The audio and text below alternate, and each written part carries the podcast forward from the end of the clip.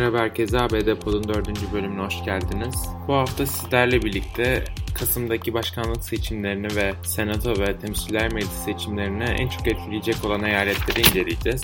Daha sonrasında Trump'ın yaptığı Kaliforniya ziyareti, Kaliforniya'daki orman yangını, Trump'ın Nevada mitingi ve yine Trump'ın aylar öncesinde Bob Woodward'la yaptığı bir röportaj. Öncelikle Kasım ayına kadarki süreçte isimlerinden çok duyacağımız eyaletlerle başlayalım.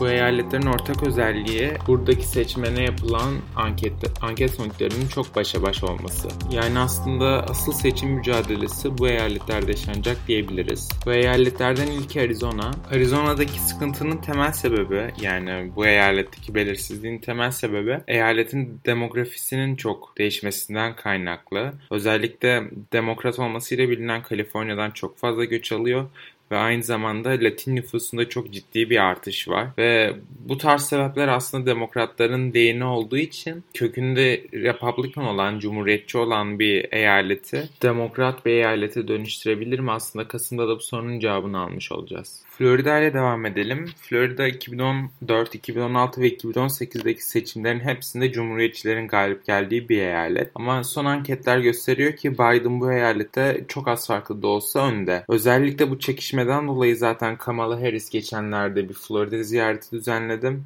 Aynı zamanda Demokrat Parti'nin başkan adaylığı için mücadele etmiş bir isim olan Mike Bloomberg'ün 100 milyon dolar büyüklüğünde bir bağış yapması aslında demokratların Florida eyaleti devletini ne kadar önemsediğinin kanıtı. Florida ile ilgili başka bir çarpıcı veri ise geçen ayda partilerin kendi içinde düzenlediği ön seçimlerde demokrat seçmenlerin cumhuriyetçi seçmenlere kıyasla daha çok sandığa gidip ön seç partinin kendi adaylarını ön seçimlerde belirleme isteği duymasıydı. Aslında bu veri oldukça önemli çünkü son 10 yıldır ilk defa e, ön seçimlerde demokratlar partilerin ön seçimlerinin cumhuriyetçilerden daha fazla destek göstermiş. Georgia eyaletinde de durum aynı şekilde belirsiz. Georgia aslında 1992'den beri cumhuriyetçi adayların kazandığı bir eyalet olmasına rağmen bu yıl büyük bir rekabet var. Çünkü demokratlar siyahi seçmenleri sandığa göndererek bu eyaleti yıllar sonra kazanmak istiyor. Michigan'da ise durum tam tersi. Michigan 2016'da Trump'ın sadece 10 bin oyla kazandığı bir eyalet. Aslında toplamda 4.7 milyon oy kullanılmış ancak Donald Trump'ın Hillary Clinton'a karşı kurduğu üstünlük sadece 10.704 oy. Bu aslında çok çok düşük bir fark. Dolayısıyla bu da bu yıl da seçimin bu kadar kıyasıya geçeceğini gösteriyor. Ve aslında Michigan 2016'da Trump'ın seçimi kazanmasında da önemli bir rol oynamıştı. Bu yıl da Michigan'da seçimlerin başa baş geçmesi bekleniyor.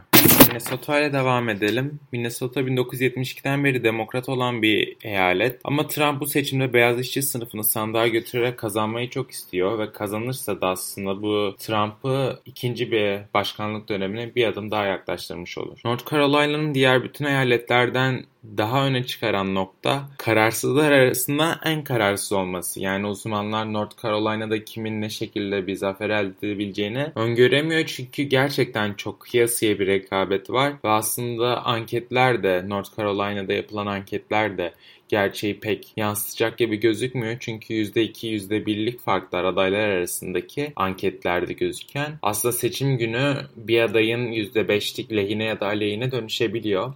Dolayısıyla Fark bu kadar azken, rekabet bu kadar çokken North Carolina hakkında pek bir öngörü bulunulamıyor. Pennsylvania eyaletinde ise Biden anketlerde önde gözüküyor ama yarış yine çok yakın.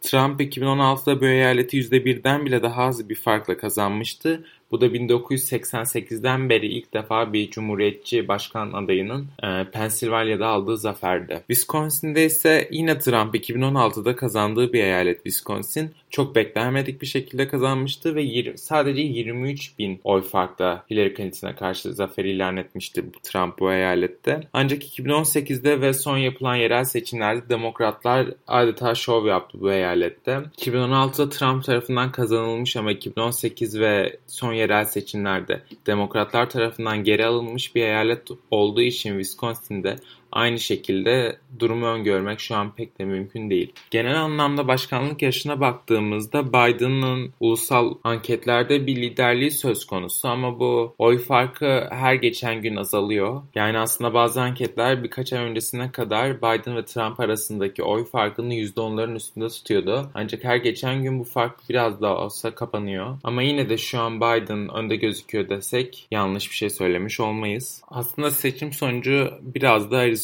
Florida, North Carolina ve Wisconsin eyaletlerinden gelecek sonuçlara bağlı. Senato seçimleri için de durum belirsizliğini koruyor. Aslında gerçekten senato yarışında da çok kıyasıya bir rekabet var. Senato seçimleri de oldukça önemli hatta en az başkanlık seçimleri kadar önemli. Çünkü şu anda Cumhuriyetçi bir çoğunluk senatoyu kontrol ed- ediyor ve dolayısıyla demokratların kazanmaya çok ihtiyacı var ve bunun için en az 3 tane senatör koltuğu cumhuriyetçilerin elinden alınması gerekli. Temsilciler Meclisi seçimlerinde ise durum o kadar da yakın değil. Şu anlık demokratlar yarışı önde götürüyor ve zaten mevcut düzende de demokratların temsilciler meclisinde bir üstünlüğü var ve büyük ihtimalle de seçim sonrasında yine demokratlar tarafından kontrol edilen bir temsilciler meclisi olacak. Seçim yarışında bu kadar rekabet varken adaylar da mitinglerine devam ediyor. Trump geçtiğimiz günlerde Nevada eyaletinde bir miting düzenledi ama bu düzenlediği miting kapalı alandaydı yani. Uzmanlar tarafından yapılan o kadar uyarıya rağmen Trump kapalı alanda